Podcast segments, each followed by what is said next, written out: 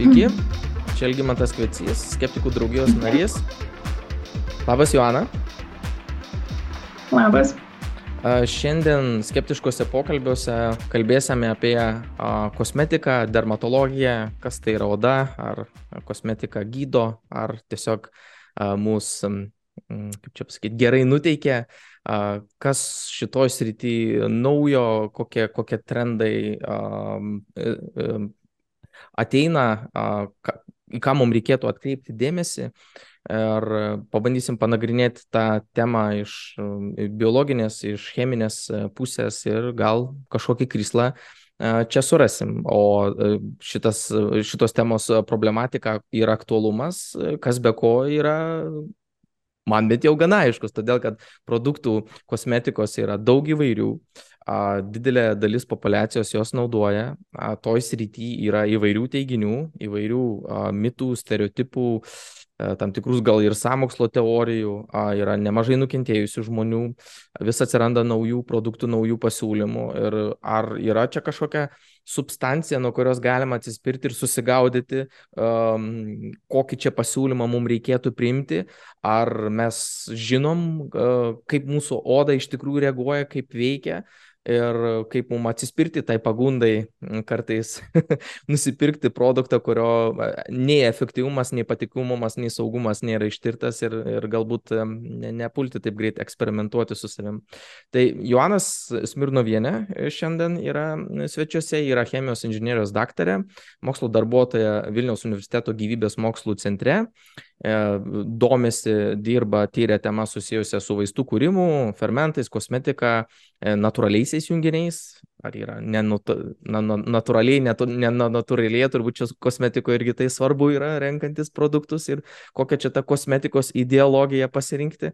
Tai mm, a, kaip jūs, Joana, esat susijus su kosmetika, dermatologija, iš kurios pusės ir, ir, ir kas jums ten yra įdomu, kodėl jūs ten gilinatės į, į šitas temas, ką ten randat ir galbūt kur dabar dirbat šiuo metu, ties kurias rytim. Taip, tai su kosmetika ko gero 2-3 metai, šiek tiek nuo vaistų kūrimo nutolų, kai galvojam, aišku, apie ką, ką galim komercializuoti, kas būtų naudinga, tai vaistas yra tas žingsnis, kur tikrai labai ilgai užtrunka 10-15 metų reikia milijardinių investicijų ir tai yra tikrai sudėtinga. Tai kosmetika yra toks e, gerokai lengvesnis žingsnis, gerokai lengviau yra tai paleisti į rinką. Pačiai tai aišku įdomu, jo aktualu yra, nes ko gero 15 metų aknės problemą turi ir vis dėlto tų tokių efektyvių gydymo būdų yra labai mažai. Ir ta kosmetikos rinka labai didelė ir pati esu susidūrus, kad perku, perku daugybę tų priemonių ir matau, kad jos gal net labiau pakenkia negu padeda ir tada pradedi dvėjoti, ar iš vis tos kosmetikos reikia naudoti, o gal ir nereikia. Tai išsilavinimas taip daugiau chemija, biochemija, bet dirbu ir įmoniai, kurie paleido į rinką kosmetikos produktus, tai teko susidurti ir su visokiais teisiniais aspektais ir tai, kai, į ką anksčiau net kreipdavau dėmesio, tai gavau daug žinių, kad tarkim vien žiūrėdamas į tą kosmetikos pakuotę, atrodo vos porą ženkliukų, porą žodžių, kas ten kaip, o yra krūvas ES teisės aktų, ką tu ten gali rašyti, ko negali rašyti. Ir taip pradeda atsirinkti tuos kosmetikos kuriejus, tos prekės ženklus ir matai, kas teisybę pateikia, kas bando apeiti ir yra daug tų visokiausių spragų. Gerai yra aišku, kad ir prižiūrėtojai.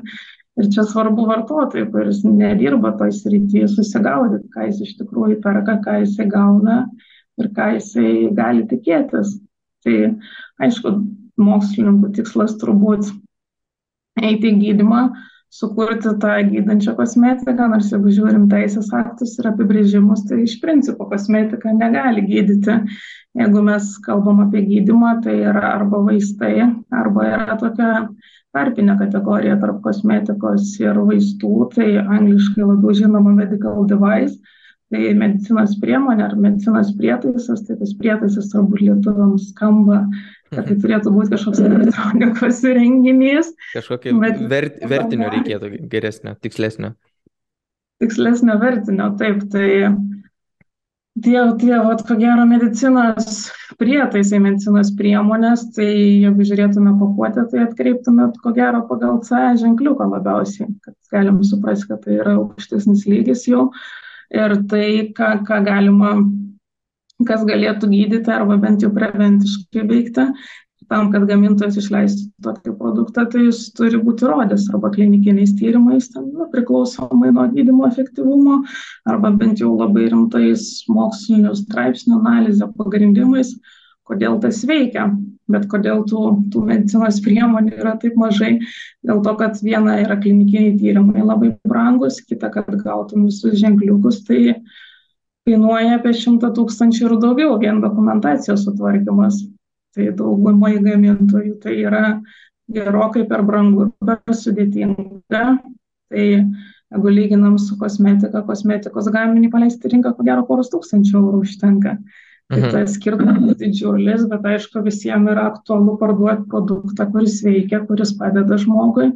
Dėl to ir bando kažkaip tai Nu, ne, iš, rinkos, iš rinkos ne visada, sakyčiau, ne visiems aktualu yra tas, kas veikia, tas, kas padeda. Mm, Nu, čia gal aš taip naiviai mąstau. Čia aš jau, jo, jau optimistiškai labai. Tai, ok, mes dar pereisim prie, prie, prie mano klausimų, kurį aš uždaviau, bet galbūt iš karto apie tai ir pakalbėkim. Jūs jau, prisim, e, jau užsiminėt, kad e, kosmetika ir vaistai yra atskiros e, kategorijos, ne? Ir, kaip sakėt, medicinis preparatas? Medicinos priemonė arba medicinos, medicinos priemonė. prietaisas. Jo, kuris būtų ta tarpinė, tarpinis tas um, segmentas. Ir šitoj vietoj minėjot irgi a, tos visiškai kitas karteles ir ribas, kurios turi būti peržengtos, kad tai galėtų patekti į rinką. Tai ar aš gerai supratau, kad a, vaistai turi būti įrodomas kažkoks tai gydomasis a, mechanizmas ir aiškus rezultatai kažkokį gydimo saugumo, patikimumo ir taip toliau, o su kosmetika tada kokios tos kartelės pagrindinės e, yra, kas ten turi būti, tik tais saugumas kažkoks. Nu, patikslinsiu klausimą. Kitaip sakant, jeigu yra kažkoks ten kremas, kuris turi ten minkštinti odą, ne, tai, tai rinkai reglamentuojančioms įstaigoms, kažkokioms tai organizacijoms, į kurias tu turi aplikuoti, norint tą produktą į rinką pateikti, jom yra nesvarbu, ta prasme, kiek suminkštins ten tavo tą odą. Čia yra irrelevantiškas dalykas, bet svarbu yra pats saugumas produkto, ar ne, kaip yra, kuri ta kartelė yra pati svarbiausia ir E, ar, ar kažkokie teiginiai apie patį e, produktą yra svarbus toms e, įstaigoms, kurios kontroliuoja kosmetiką? Kontroliuoja kosmetiką, tai visi tie produktai, kad išeitų į rinką, jie turi būti notifikuojami. Tam, kad išleisti rinką, tai privaloma yra pati, parengti produkto informacinį failą ir produkto saugos ataskaitą. Saugos ataskaita yra svarbiausias dalykas, tai gali ją parengti tik tas mo, kuris turi tam tikrą išsilavinimą, yra kvalifikuotas, tai jam svarbiausia yra gauti sudedamųjų sąrašą, sudedamųjų dalių sąrašą, kokios medžiagos yra kosmetiko, ar yra jos saugios, ir labai svarbu, kokios yra koncentracijos, kokie yra kiekiai. Kai kuriuom medžiagom yra griežti ribojimai, jeigu jos yra kengsmingos, kad neviršytų, jeigu bus viršyma, tai tiesiog nele, nu, neleidžiama bus patekti rinką. Jeigu neviršėjama, tai yra viskas tvarkoj. Tai svarbu yra saugumo ataskaita, kad ekspertas įvertintų, kad taip yra saugus, kad tos naudojamos medžiagos nėra kenksmingos. Ir jūs sakėt, tai kažkoks aprašymas dar produkto. Uh... Taip, yra produkto informacinė byla, tai mhm. gali tekti atlikti, tarkim, tyrimų įvairių, tai atlieka tyrimus, kad, tarkim, kosmetikos produktas yra stabilus kad mes galim, tarkim, sumaišyti, tas kremas atrodys mums ten, tarkim, baltas, purus, viskas gražus, bet praeis savaitę jis ten gali pradėti trūkti, gali burbuliukai pasidaryti, gali išsiskirti, ten, tarkim, pasidaryti skirtingi spalvoti sluoksniai. Tai turi būti tokia... O kokia šita esmė yra?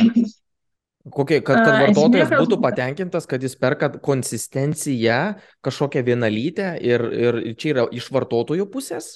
Ar tai, kad išsisloksnevę kažkokie tai elementai tam buteliukė ir kai tu tepsi neturės poveikio, gali būti viršui kažkokia viena medžiaga, jį ten dirginti, apačioje kažkokia, nu, dugne kažkokia kita ir bendro poveikio ir kaip tik gali būti kažkokios problemos, dirginimas didesnis.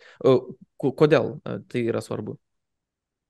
Tai ir vienas ir kitas aspektas, ko gero vartotojas jau, jeigu atsidarysis pakuotę, matys, kad ten kažkaip jau nekaip atrodo, tai jis tiesiog nenorės to teptis. Tas yra vadinamas stabilumas, tai viena, kad konsistencijos nepraras, kad jeigu yra uždėtas galiojimo laikas, vienas yra galiojimo laikas, kol netidaryta yra pakuotė, kiek gali būti, mhm. kitas yra toksai ženkliukas, tarkim 3M arba 6M arba 12 arba 36M, tai kiek mėnesių po atidarimo tas mūsų tarkim, kremas, nu, kosmetikos produktas išliks nepakitęs. Mhm. Tai pagal tai, kokius deda galiojimo datas, tai gamintojas yra atsakingas, kad jo tas kosmetikos produktas saugus bus nepakeis savo išvaizdos arba jeigu keičia išvaizdą, tai tada turėtų nurodyti, kad tarkim, jeigu yra daug ten augalinės kilmės medžiagų, tai gali gal šiek tiek pakeisti spalvą arba ten tarp skirtingų partijų šiek tiek keisti spalva ir kvapas būtent dėl to natūralumo, bet tuomet turi įspėti vartotoją. Tai viena yra, kad neįsisloksniuos, kita yra, kad ten neatsiras mikroorganizmų, kad nesuges, neprarūks. Tai dėl to yra dedami konservantai ir skirtingo stiprumo galima. Na, čia visi bijo tų konservantų. Bet, bet kol kas, kaip jūs sakėt, va, šitie dalykai visiškai neįtraukia kažkokių teiginių, kurie yra susiję su pačiu produktu ir jo kažkokiam savybėmis ir taip toliau. Čia yra tokia, kaip sakot, viena ir antra dalis, bet tai neįtraukia teiginių apie pačio produkto kažkokį efektyvumą, pagerinimą ir taip toliau. Ar ten yra taikomi kažkokie tai irgi kažkokie tai rėmai, nežinau, nu, kosmetikos kažkokia priemonė, ar sako ten atgaivins ten nuskaidrins, tam, suminkštins ir panašiai. Ar tokie teiginiai papuola į kažkokio reglamentavimo dalykus, ar jau čia jūs, nu, rašykit, kad minkštins, nu, neminkštins, tai, nu, nieko tokio, ta prasme, čia jau nebėra nereglamentavimo dalykas. Čia atsiranda dalykas, ką mes galim rašyti ant, ant pačios pakuotės, arba tai yra etiketė ir pati pakuotė, tai yra uh, Europos komisijos visas reglamentas, ko tu negali rašyti ir labai griežti reikalavimai yra, kad tu negali rašyti tai, kas nėra patvirtinta. Tai vienas būdas, kaip galima prašinėti, tai yra tokia COSING kosmetikos ingredientų duomenų bazė. Na, laisva jinai yra prieinama, tai tiesiog atsidarai duomenų bazę pagal paprastą paiešką, įvedi savo, tarkim, norimą ingredientą, tarkim, įvedu, kad tai yra alyvogių aliejus, tai turi visi tie ingredientai savo tokią nomenklatūrą, dažniausiai tai yra latiniškas pavadinimas, tai bent jau pagal latinišką arba atkreipsite, jeigu dėmesį ant pakuotės, kokie ingredientai, lyvogio aliejus bus ne olive oil, bet būtent e, latiniškas pavadinimas. Tai jeigu įsivedam ingredientų duomenų bazę, tai mes gaunam informaciją tik apie tą ingredientą. Mhm. Tarkim, glicerinas ten drėkins, arba kita medžiaga minkštins, arba tai yra uh, kvapiklis. Tiesiog yra priskirtos savybės ir jeigu norim pakuotės rašyti, tai gali rašyti tik iš tos duomenų bazės, kad tas ingredientas daro tą ir tą, tarkim. A ingredientas minkština, B ingredientas minkština. Bet tuo remiantis negali sakyti, kad tavo produktas kosmetinis minkština tavo. Ai, tai vis dar ne. ne. Tai koks tas sekantis laiptelis? Tai vienas yra toks apėjimas, ką, ką, ką bando daryti gamintojai, tai nepasako, kad minkština, bet toks jau lietuviška frazė gali padėti, tarkim, gali padėti suminkštinti. Tai čia toks reiktų atkreipdėmėsi, kad, kad vis tik tai tada kaip ir to teiginio nėra, kad gal ir taip, gal ir ne, gali ten kažkokią tai gražią frazę įvilgti, bet tarsi nieko nepasakydamas, negali tu to dėti kleimo teiginio, kad tau tikrai minkština. Jeigu nori teikti, kad tikrai tavo ten kosmetikos produktas minkština odą, tai yra daugybė kosmetikos kompanijų, kurios atlieka tyrimus.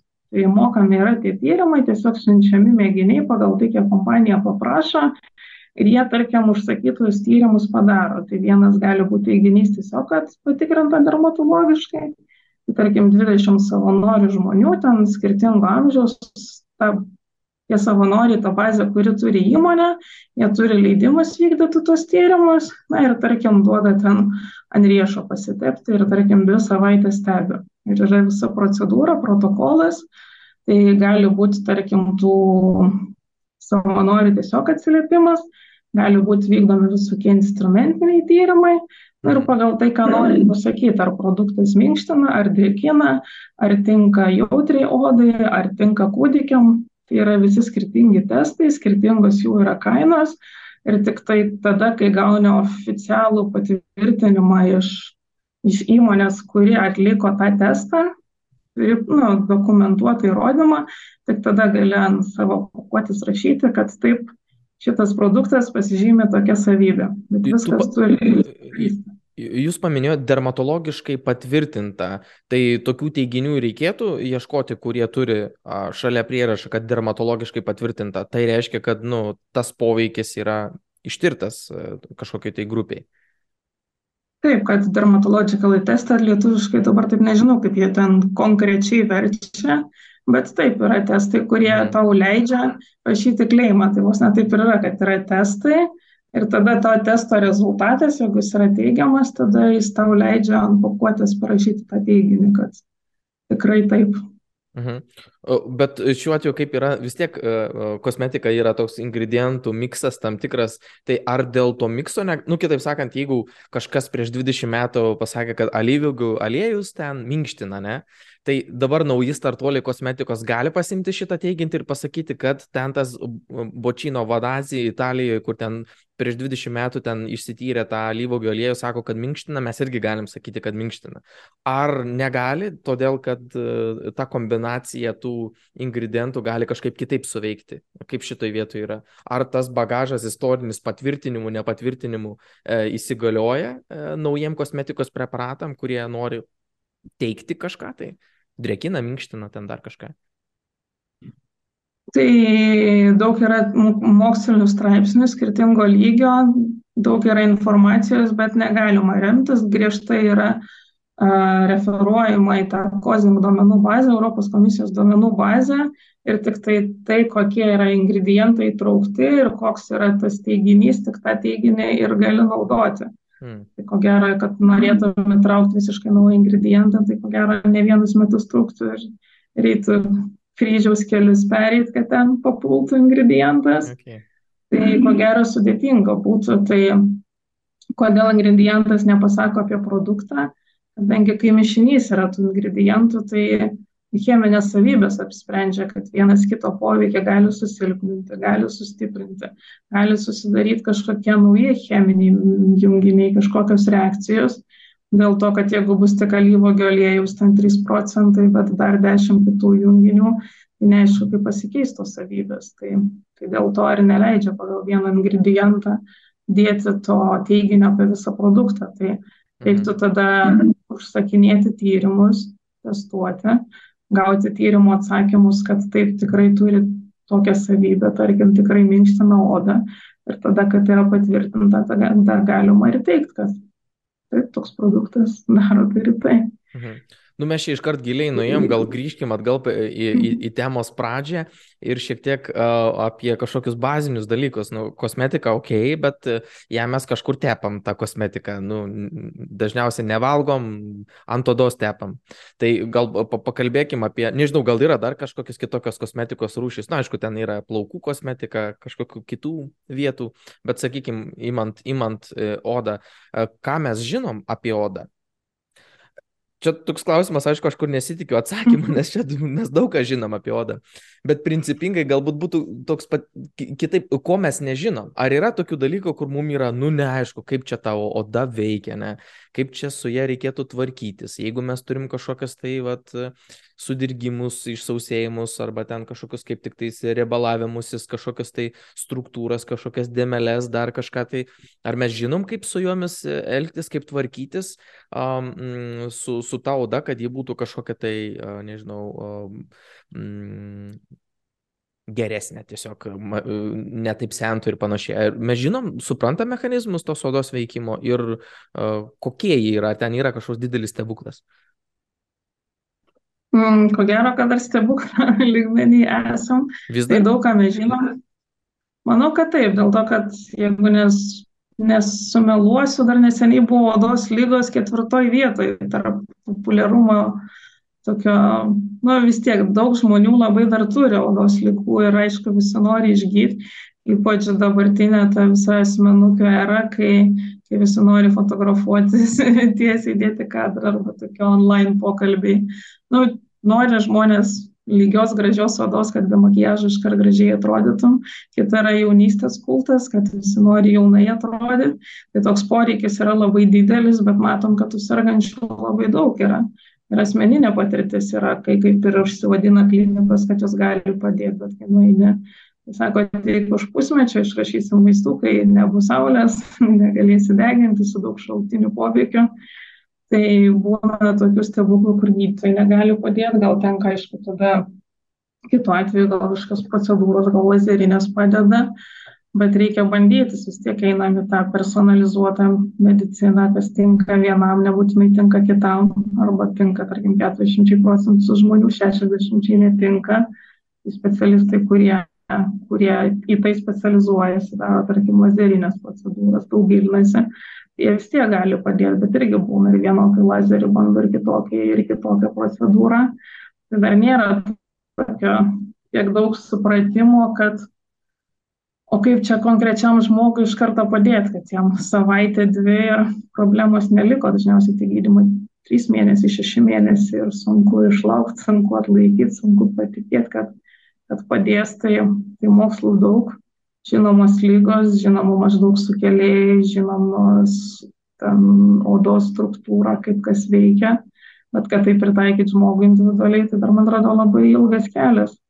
E, jūs, Joana, minėjot, kad mes dar daug ko kaip ir nežinom, nesuprantam to, kaip pagydyti tam tikrus ar ten kažkokias tai uh, lygas ar kažkokias tai um, patologijas ar kažkokius pakitimus, bet uh, kur, kur čia daugiau tas strigimas yra, ar kad mes, uh, sakėt, sakėt, kad mes jau daug ką suprantam, ar mes suprantam, kas ta oda, kaip tai veikia, ten mikroskopinių lygmenių viską galim pasižiūrėti, matom, bet Ir tai čia viena dalis yra, kita dalis yra, kaip iškyla kažkokios problemos, nu, ar ten kažkokia mutacija yra tam tikra, ar kažkoks išorės aplinkos poveikis sukėlė kaž, kažkokį tai, nežinau, išsausėjimą, trukinėjimą, dar kažką, ar yra kažkoks tai paveldimumo faktorius, ar kažkokie tai vidinių procesų, kažkokių su, sutrikusių išdava kažkas užsikišo, prakaituoja daug, nu, nežinau, kažkokie dalykai gali būti, kurioje kurioj vietoje tas strigimas yra, ar čia jau gydimo tada jau dalis, mes nežinom, kaip ot, viską jau žinom, kondicija, žmogus, oda, tik tais neturim prietaiso įrankio, tepalo, procedūros, kuri sutvarkytų tą dalyką, kurį mes labai žinom, kurioje vietoje tas strigimas didžiausias yra jūsų nuomonė.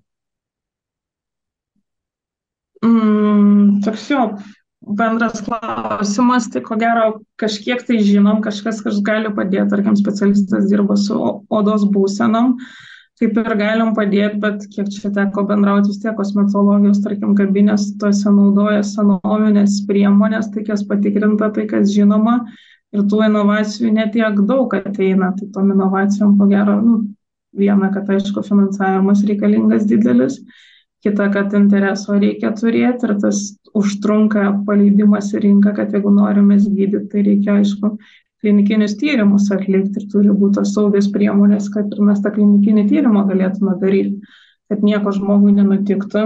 Dabar ir tie yra reikalavimai, kad su gyvūnais negali daryti tyrimo, kas yra, jeigu su geriamais vaistais. Su išoriniam priemonėm gan sudėtingiau, bet ko gero, kad, nu, odos, gal pagrindinė priežastis, odos negalim atskirti kaip atskiro organo.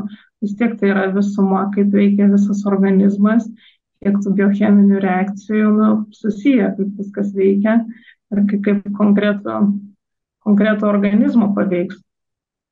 Tai apie tą odą, žinoma, tai irgi žiūrėjau, kad ten daug tų tyrimų, kad, tarkim, plonėja odos sluoksniai, ten kiekvienas sumažėja su tam tikru amžium, kad gali hormonai daryti įtaką. Tada, tarkim, bando daryti ten moteriam estrogeno hormono pokyčiai nulėmė, kaip jų ten ta oda atrodo. Tai, tarkim, estrogenų terapijos, bet vėl tas užtrunka pakankamai laiko ir galbūt padės odai, bet sutrikdys kitų organų veiklą. Tai tai toks sudėtingas kompleksinis organizmas žmogus yra ir kaip apimti visą tą visumą nėra ko gero taip paprasta. Tai, tai viena yra aišku visokie tepalai, vaistai, kita yra įvairios instrumentinės procedūros, kurios kurios galbūt gali pagerinti būklę, bet vėlgi reikėtų ilgalaikio stebėjimo, ar nebus taip, kad ten po procedūros gražiai atrodai, mėnesį gražiai atrodai, o kaip po trijų mėnesių ar po trijų metų atrodysi. Mhm. Ar, ar, ar galimybės nepablogės. Tai, tai tie tyrimai tokie pakankamai lygiai ir sudėtingi. Tai, tai vėl mes atsidurėm, e, turbūt e, kategorija yra labai paprasta ir patogi - oda, ne? bet įmant e, mhm. bendrą organizmą ir atrandant vis naujų dalykų ir sąsajų, pasirodo, kad ten viskas kompleksiškiau. Turbūt čia panašiai kaip su probiotikais, ne, ir organi... o skrandžio, ne, veikimu mhm. gerosiomis bakterijomis ir taip toliau, nes skrandis virškina ir taip toliau, bet pasirodo, kad ten visi kiti organizmai, tie svetimkūniai e, mūsų skrandyje pasirodo turi žymiai daugiau įtakos visiems kitiems e, procesams, negu galėjo pasirodyti. Ir ta, ta kategorija tokia, tipo, nu, va, skrandžio sutrikimas, tai pasidaro taip, kad visi sutrikimai yra organizmo sutrikimai, ta prasme, ir, ir tada kenčia, kenčia visas fabrikėlis. Um, uh, vis tiek mes um, turim turbūt kažkokios um, dvi kategorijas, kas susiję yra su kosmetika. Tai yra tas, kas turėtų iš esmės, na, nu, aišku, jūs sakėt, kad čia jau vaistai, nes gydimas, bet turbūt tam tikrą, tam tikrą prasme kažkokia tai, tam tikrom kondicijom, kažkokia, nu, ten kokia nors žvinelinė, kokia nors egzema, kur jau ten ir skauda žmogui, galbūt ten išdžiūvusi oda, vis tiek kosmetika gali padėti nuslopinti veikiausiai kažkokius tai simptomus, ne, gal neišgydys tos lygos kaip o, sakykime, ne, bet kažkokius simptomus tada pagerins. Ir kaip jūs pavadintumėt visą tą kategoriją tų kondicijų, kurios dažniausiai nėra kaip ir vaistų dalis, bet va, turėtų kažką pagerinti, paminkštinti, ten padrikinti ir taip toliau. Ar yra kažkoks žodis, terminas, kuris apibūdina tuos dalykus, tą kategoriją? Odos sveikatos. 50 metų tokį įvedė terminą cosmeceuticals bandė tarsi apjungti, kad ir kosmetika, bet ir kaip pharmaceuticals galas, kad tai cosmeceuticals, kad tarsi susijęti kažkokį sugydamo, kad tos inovatyvos priemonės kažkokį tokį ir turėtų. Tai čia gal daugiau toks eina iš lūpų į lūpas moksliniuose straipsniuose, teisės aktai nežinau, ar tai yra gerokai apibrėžę, bet aišku, kad yra, tarkim, tam tikrų medžiagų, kurios žinomos ten iš seno, tarkim, ten šlapalas, kad jis ten, jeigu didelė koncentracija, tai jis tą sausą odą gali kažkiek padėti paminkštinti arba yra ten kitos medžiagos, natrio laktatas, kaip ir seniai žinomos medžiagos, kad jos taip ir gali padėti, šitas yra labiau cheminės nu, ir žmonės naudoja, jiem kažkiek tą būklę pagerina, galima sakyti, gal negalim teikti, kad gydo pagerina nu, ir žmogui gerai yra. O kitas dalykas yra čia ir kosmetika, ir vaistai, kad vis tiek senovi žmonės iš augalų pasimdavo visas tas teigiamas savybės, kad ten, ko gero, visokius ir medetkų nuoviras darydavo, ten ar veidui patepti, ar dilgėlių nuovirą plaukam, plaukam, tarkim, skalauti, čia turbūt ir buvo ta senovinė kosmetika, tik jinai tokia buvo vienos dienos galiojimo, tarkim, be konservantų kurie gali turėti tų teigiamų savybių, augaluose yra daug tų aktyvių medžiagų, kurios tom antioksidaciniam savybėm pasižymė uždegimus įvairius mažina. Tai buvo tas populiaru, bet su laiku žmonės tiesiog patobulėjo cheminė sintezė, norėjo gauti greičiau, geriau tos preparatus. Tai ar vaistai atsirado cheminė ar kažkokie kosmetikos ingredientai, kurie, tarkim, jeigu buvo augale kažkoks aktyvus junginys, tai išmoko jį susintetinti ir tada įdėti kosmetikos produktą.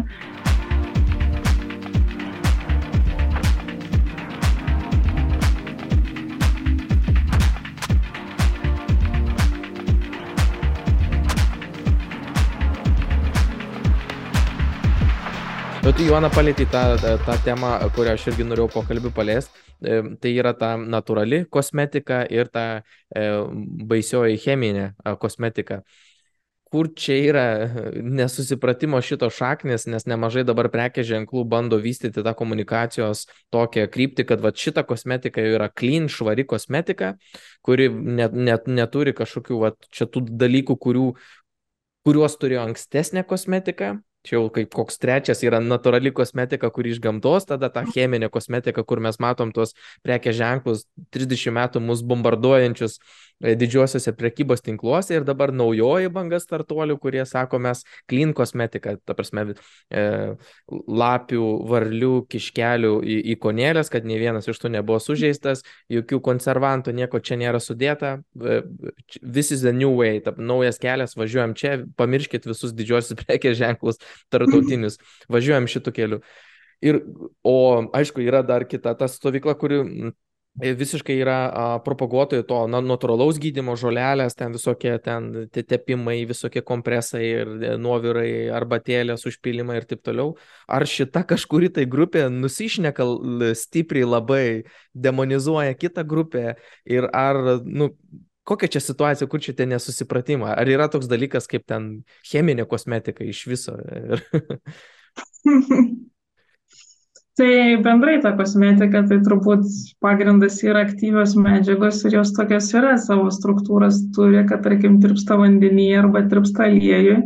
Dažniausiai tie kremai tokie yra balkšvi, kad yra tokie dedami emulsikliai, kurie tarsi sujungia vandenį su aliejum tai turime įdėtą vandens, nu, vandenį su tom aktyviom medžiagom, aliejų su aktyviom medžiagom. Labai atsiprašau, pertrauksiu. Čia, čia didžioji dalis, jo, didžioji dalis kosmetikos, kuri turi tokią tą krymį, tokią kremo substanciją ir baltą, tu turi meni, kad ten yra sujungtas, surištas vanduo su e, riebalais, iš esmės tai yra toks kaip masė. Aliejum, taip. Mm, ok. Ir spėsiu dėl to, kad vieni um, šitie, um, vien, vieni elementai yra vandenį tirpus, o kiti riebaluose, todėl reikia vienos substancijos, kurios, kurioje galėtų tirpti abu. Spėjau. Taip, tai būtent taip, tai čia toks paprasta chemija, aišku, galime paimti balzamą, tai ten bus visiškai vien tik tai aliejus, bet turbūt ten lūpom pasiteptiks, bet odai tai ko gero kimšporas nebus labai malonu. Mhm. Tai pagrindas yra taip, vandens aliejaus emulsija. Tai va čia ir atsiranda tos medžiagos emulsikliai, kurios turi surišti aišku, cheminės, tai galim sakyti, kad vanduo yra chemija, vandens molekulė, bet niekam nekenkia. Tai čia daug tų yra žaidimų, terminų, kaip ką pavadinti, žmonės gal pripratę prie tą natūrali kosmetika, tai natūrali kaip ir, man atrodo, nėra visiškai apibriešta, bet tai susiję, kad, tarkim, ištraukiam iš augalo arba paėmėm molį, užsitepėm ant veido. Tai čia, kur mato um, kenksmingumą, kad su tom medžiagom gali ateiti, tarkim, didelis sunkiųjų metalų kiekis, arba molyje gali būti, arba augaliniuose ekstraktuose, arba tuos ekstraktus, kai išgauna visokius tirpiklius naudoja. Tai čia tiesiog uh, turi gamintojas atsirinkti tinkamų žaliavų tiekėjus ir žaliavos dažniausiai sertifikatą turi ir turi būti nutestuotas, kad, tarkim, uh, europos sąjungos yra ko gero vienos griežčiausių ribų. Kiek ten tarkim švino gali būt kiek ten gali būt kitų sunkiųjų metalų. Ir tada tos tie žaliavų tiekėjai turi pateikt sertifikatus užtikrint kad jau yra tikrai saugios tos žaliavos. Bet aišku tos žaliavos būna brangesnės gali būt tarkim triskart brangesnės ir europoj pirktos negu pirktos tarkim kinijoj ar indijoj tarkim amerikos reikalavimai yra daug tokie lengvesni net tarkim maisto papilduose jie per daug ten tų sunkiųjų metalų. Nesukam galvos, sako, me, mes nesukam galvos, ta prasme, dedam, nesukam galvos. Tai va čia tas natūralumas, kad tu gali turėti augaliuko ekstraktą, su kuriuo kaip viskas gerai, bet gali būti, kad jis ten užterštas, tarkim, sunkiaisiais metalais, nu, mhm. užaugintas kažkur, tai tarkim, prie kažkokios tai, nežinau, autostrados, ten Kinijos didmišio kažkur tai.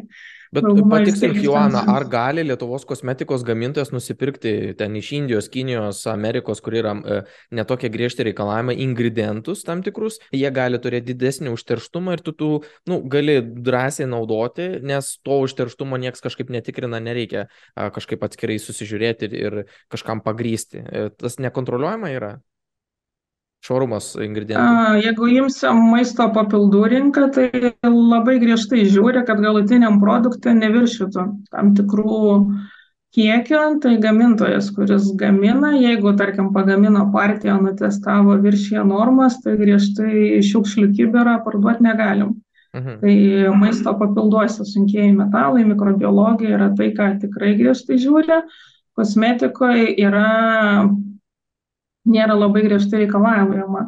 Tai čia kaip ir gamintojas turėtų prisimti atsakomybę, surašyti produkto specifikaciją, apibriežti, kiek jisai nori, kad ten pas jį neviršytų sunkiųjų metalų, galima apsibriežti, kad tarkim pesticidų kokie kiekiai galėtų būti, kad nebūtų mikrobiologinės taršos, yra ten įvairūs irgi reikalavimai, kiek tam tarkim leidžia vaikų kosmetikoje, kiek leidžia uh, suaugusių kosmetikoje.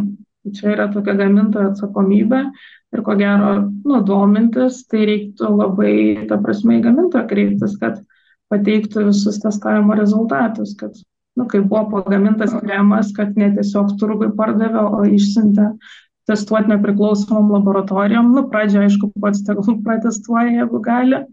Labai gerai, kai nepriklausoma laboratorija protestuoja, išduoda sertifikatą, kad taip, tame produkte nėra, tarkim, sunkiųjų metalų O kokia ta situacija, kaip tu galėtum apibriežti Lietuvoje yra šitoje srityje? Ar yra verslų tie, kurie turi aiškiai deklaravę, kad jie daro tyrimus, atlieka, tos supply chain ir tiekimo grandinės yra labai aiškios ir kad tu gali atsekti, pamatyti arba, na, nu, ta prasme, kad yra aišku statementai uh, ir kontrolė šitoj vietoj. Uh, ar yra kažkokie bendri susitarimai, kad ir nėra reglamentavimo, bet kažkokie susitarimai, etikos, dar kažkas, arba einama link tą pusę, kokia situacija yra dėl to?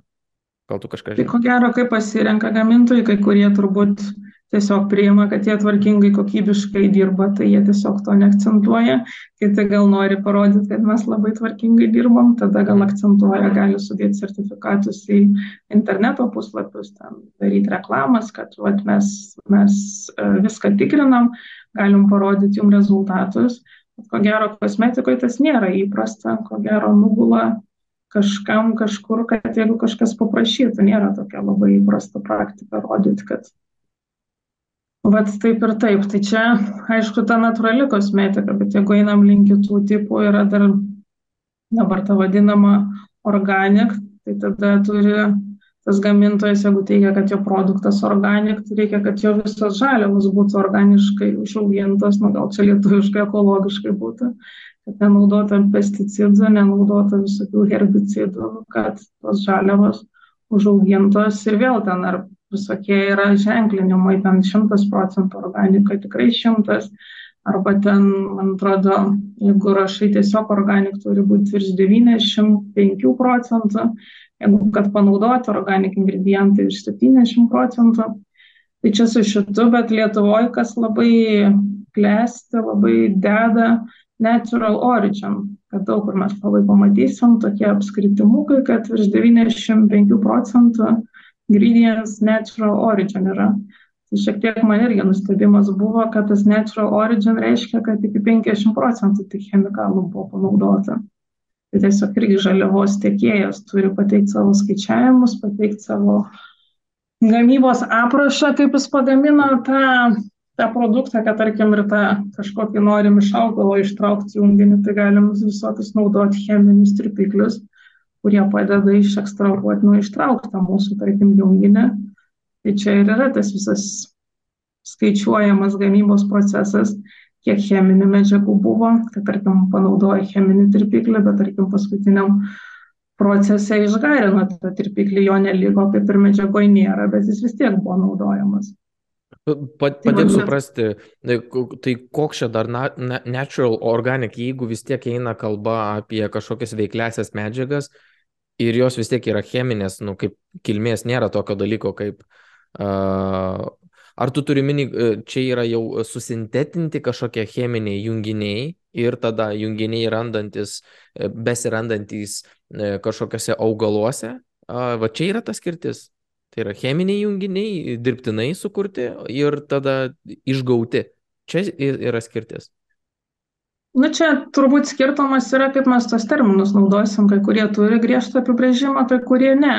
Tai organik būtų, kad, nu, ta prasme, ta žaliava užauginta nenaudojant jokių ten, tarkim, pesticidų, tai čia gal ir gali būti, galvoju, kad ir tarkim, užaugino ekologiškai alyvogės ir, tarkim, iš jų ten išspaudė aliejų ir visiškai nepanaudojo ten jokių chemikalų. Išspaudos ten, tarkim, kažkokiu mechaniniu būdu. Nu, tai jis gali būti organic, gali būti ir natural origin. Bet jeigu, tarkim, reikėjo, tarkim, kažkokį ten iš alyvogių kažkokios gal specifinės medžiagos ištraukti, kažkur buvo chemikalų. Tai va tas natural origin bus, kad iki 50 procentų chemikalų galėjo panaudoti ir vis tiek tai bus natural origin. Tai dažniausiai skaičiuojami tie procentai ir tas virš 90, tarkim, 5 procentų, tai jeigu yra, tarkim, kremas, ten ko gero 70 procentų tiesiog vanduo yra ir eina kitos medžiagos ir tuomet jau natural, ne natural, bet irgi man pačiai yra buvę netikėtumų, kai tarkim eterinis aliejus, buvau įstikinus šimtų procentų, kad nu, tikrai natūralus gali būti, kaip kitaip, jeigu iš augalo gauna distiliacijos būdu, bet gamintojas atsakė, tai sintetinis yra. Šimtų procentų sintetinis, tai. Tai okay. Tai būna ir tokių dalykų. Tai čia tiesiog, kai nu, kuri tą kosmetiką atsirinkinėjai žaliavos tiekėją, tai turi jam uždėti reikalavimus, ko iš jo nori ir turi pateikti visus dokumentus, įrodymus, kad, kad tikrai ar ten tavo yra organinis, ten žaliava ar turi sertifikatus, ar vis tik tai sintetinis, tai, tai čia toks pakankamai ilgas, sudėtingas kelias atsirinktos tiekėjus, kurie patikimi būtų ir galėtų tas žaliavas kokybiškas pateikti. Mhm. Nu, ta tranzicija iš tokios e, na, na, tos natūralios e, kosmetikos, kurią ten pasigamini a, namie, nusipirki iš vietinio priekėjio kažkokioje mūgėje, a, tranzicija į kažkokią tai kosmetiką masinio naudojimo, tai nu, suprasti galima, nes naudojimo mastas žymiai didesnis, norima, kad ta priemonė nesugestų taip greitai. Tiesiog, kad tau nereikėtų tos, visą laiką gaminti tos kosmetikos non-stop, tu kažką nusipirkai, ten kažkiek tai mėnesių naudoji ir taip toliau. Ir dabar tas trendas tos mm, švariosios kosmetikos. Kas nutiko su ta vidurinėje grandim, kodėl tie vartotojai nusivylė? Ir ar čia yra rinkodaros tiesiog dalis, kas nutiko, ar tie konservantai pasirodė, kad nu, nes informacijos yra labai daug, ta prasme, kad ten tie konservantai ten irgi turi tam tikrų um, pašalinių poveikių, sukelia ten irgi odos lygas ir ten, e, ten e, neaiškus, neaiškus efektas gali turėti žymiai dar daugiau ten tų ne, um, poveikių visokių pašalinių neigiamų ir taip toliau. Ir to pasiekoja, kad tarsi, bent jau man tai rodosi, vėl ta, tarsi tam tikras toks grįžimas, mes turim industriją, mes turim įrenginius, kaip išga, išgauti tokius dalykus, bet mes sakom, kad konservatams ne, ten kažkokiems e, e, dirbtiniams junginiams ne, tik natūraliai išgaunamiems ir mes tam tikrą koją mes grįžtam į tą kuo nusikalto tą kosmetiką, tą cheminę, dirbtinę tą kosmetiką, kad mums reikia dabar to trečiojo etapo. Ar čia daugiau yra rinkodarinis reikalas? Tai vėl žiūrėjau, tas Clean Cosmetics, tai buvo gal kelių metų, kad Europos to vaistų federacija FDA, tai jie kaip ir nepatvirtino, neapibrėžė, kas tai yra. Tai kelios įmonės pradėjo išdavinėti sertifikatus, Clean Beauty, tarkim, sertifikatas, arba ten Kanadui dar jie kitaip užsivadino, tai jie apsibrėžė kriterijus, kas tai turėtų būti. Tai bendrai, kas yra Clean, tai jie sako Clean, tai kad tai, kas nekenkia odai, nėra toksiška kad pamatė, kad natūrali kosmetika vis tik tai gali būti šiek tiek ir kengsminga. Kad, tarkim, augalai, jie ten turi savy tokių, nu, aktyvių junginių, tai ar kaip vaistas, ar kaip kosmetika, tai dažnai nuo koncentracijos priklauso. Jeigu mažas kiekis veikia kaip vaistas, jeigu per didelis kiekis, tai ir kaip nuodas gali suveikti. Tai kosmetika irgi pamatė, kad gali alergizuoti kai kurie augaliniai ekstraktai arba eteriniai aliejai gali sukelti alergijas kažkurios medžiagos, tarkim, ten ugnežolės ekstraktų įdėjus negali sauliai būti, nes gali odos pažeidimų atsirasti. Tai čia kaip ir, nu, natūralu, bet tas nebūtinai reiškia, kad nekenkia. Tai čia tai atsirėmė tas klien, kad, nu, mes naudojam nebūtinai natūralų, bet būtinai tai, kas nekenkia. Tai nesako chemijai ne, tai ta prasme chemija gali naudoti, bet jinai turi būti ištirta, kad jinai yra saugi. Man atrodo, čia kodėl taip gaunasi, kad atsiranda naujos medžiagos, visi jas bando naudoti, testuoti, yra labai ant bangos, tarkim, ir praeina 10-20 metų ir išlenda tie šalutiniai efektai. Praktiškai visa istorija ant to stovi, kad žmonės, tarkim, gydydavosi ir nu, kažkas numirdavo, kažkas išgyvendavo ir tiesiog kaupėsi ta patirtis, kad Taip ir atskyrė, kur vaistus. Kur mažiau lavonų, ten, geri, ten ir einam į tą, į tą pusę. Okay. Tai dabar kaip ir neleidžia, labai griežti reglamentai, saugumo reikalavimai. Labai sunku kažkokią naują medžiagą sukurti, bet manau iš to atėjo, kad pradžiai tiesiog nebuvo žinoma, kad, nu ką, turi cheminę molekulę, jinai lik ir veikia. Tai čia gal toks iš pavyzdžių senovinių buvo apie 1920 metus Prancūzijoje.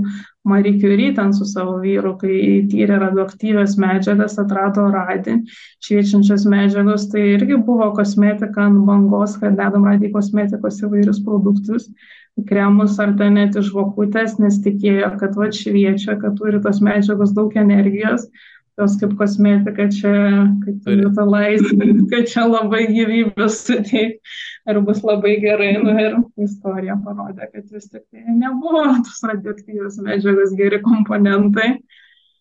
Tai man atrodo vis tiek ta istorija taip ir vystosi dabar, kad su patirtim pamatai, kad nu, panaudoji medžiagas, net ir paskui ten irgi su man atrodo, ftalatais, pamatė, kad kažkaip hormonų disbalansas gali sukelti, atsiranda tų tyrimų rezultatų, pamato, kad kenkia Aš irgi dar reikia patvirtinti, ar tikrai, ar tikrai teisinga, ar tikrai blogai, kad ten yra, tarkim, diskusijų, kad labai blogai, nors ta vaistų agentūra sako, mes dar nežinom, ar tikrai jau čia taip blogai, čia reikia daugiau tų tyrimų atlikti. Mm. Tai, tai man atrodo, tas klyn iš dalies taip, iš dalies gal trendas, iš dalies gal bandymas kažkaip išsiskirti.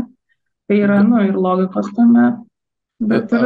ar, ar, gal, ar galėtum išskirti kažkokią tai, nu, kad apie visus nekalbėt kažkokį vieną dalyką, kuris būtų, nežinau, ten 20 gal metų laikotarpį, kur būtų padarytas didelis pokytis kosmetikos rytyje, kažko, pažiūrėjau, atsisakyta.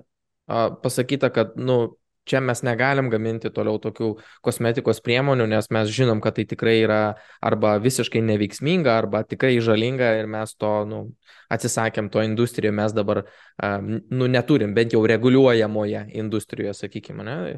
Ar, ar, ar žinai tokia atveju prie kažkokį tai ingredientą arba kažkokią substanciją, kurios buvo atsisakyta? Tai ko gero su parabenais yra ta situacija, kad jie kaip po konservantai naudoti, tai šiek tiek skiriasi jų struktūros, kaip ir nematė problemos, dabar jau griežtai visur mes be parabenų, bez be parabenų. Ir man atrodo, čia yra tas atvejis, kurie viduje įsako, kad nu, mes dar nežinom, ar tikrai čia yra toks blogis, ar tikrai reikia jį uždrausti ir atsisakyti. Ir toks, ko gero, išeis jisai iš kosmetikos produktų. O tai kokia tai, išdava?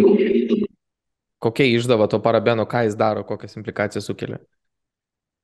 Man atrodo, susijęs su tai, kad hormonų disbalansą gali sukelti ir vaisingumui, neaišku, kokią įtaką turi. Ir ko gero, ko gero dėl apsigimimo toks yra didžiausias rizika pavojus. Ir situacija rinkoje dabar su, su tuo konservantu, kokia yra, tavas, nieks jau nebenaudoja ir jau užteko tam tikrų indikacijų, kad visi atsisakytų, tik tais kažkokios tai labai hierarchiškai aukštos institucijos sako, kad nu, mums dar trūksta penkių tyrimų um, šito ir toj srity, dar palaukim, to prasme, kokia situacija yra. Aš manau, kad dar nėra griežtai uždrausta, tai turbūt tie nauji prekės ženklai, tai jie griežtai visur deklaruos, kad mes čia be parabenų darom. Uh, ir daug ir nėra, bet yra daug žinomų tų prekės ženklų, kur gerose, ten, nu, prabangiose parduotuvėse parduodami, ten tie kremai turbūt 50 plus eurų kainuoja, daro su jais visokias, ten, tarkim, su tų prekių ženklų priemonėm įvairias veido procedūras, nu, ir vis tiek jie yra tie, tie produktai ir dar ko gero gyvos, jeigu ten žinomas yra kosmetikos produktas, vartotojai jį vis tiek perka, įtvirtinta viskas, visi dokumentai sutvarkyti, žinoma, kad tas, tarkim, Kitaip sakant, formulės ne, nepaimsi, nepakeisi taip greitai, ne? Nu. Ta formulė, ta prasme, jeigu pakeitė formulę, tai praktiškai pasikeitė visas produktas. Turi iš naujo vėl tyrinėti tuos stabilumus, ar tau ten tas kremas neišsisluksniuos, ar nepriauks bakterijų, iš naujo turi paruošti visas saugumo ataskaitas. Nu, praktiškai tas, kad ir minimalios 1 procento korekcijos įneša tiek darbo, kaip naujas produktas, ko gero būtų. Tai man atrodo, tiesiog tie gamintojai nėra suinteresuoti keisti, jeigu vis tiek einamas tas produktas yra.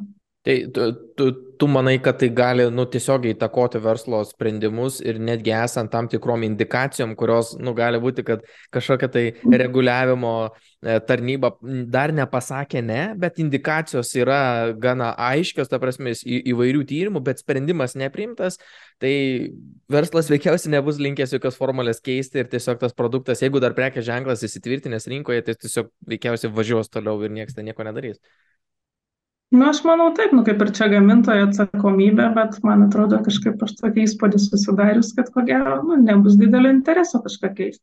Gal jie naujus produktus kurdami keistą sudėtį, galvos darys kažką naujo, nors irgi čia iš tų kosmetikos pardavėjų girdėjau, kad kosmetikos pirkėjas pats nelojaliausias yra, kad visada žmonės nori vis kažko tai naujo tarkim eina vienas vienas produktas ir jeigu tik kažkas naujo atsirado, iš karto jums tą naują produktą. Labai įdomu. Žinai, tie kuriejai, tas, kad ir minimalios 1 procento korekcijos įneša tiek darbo, kaip po naujas produktas, ko gero būtų. Tai.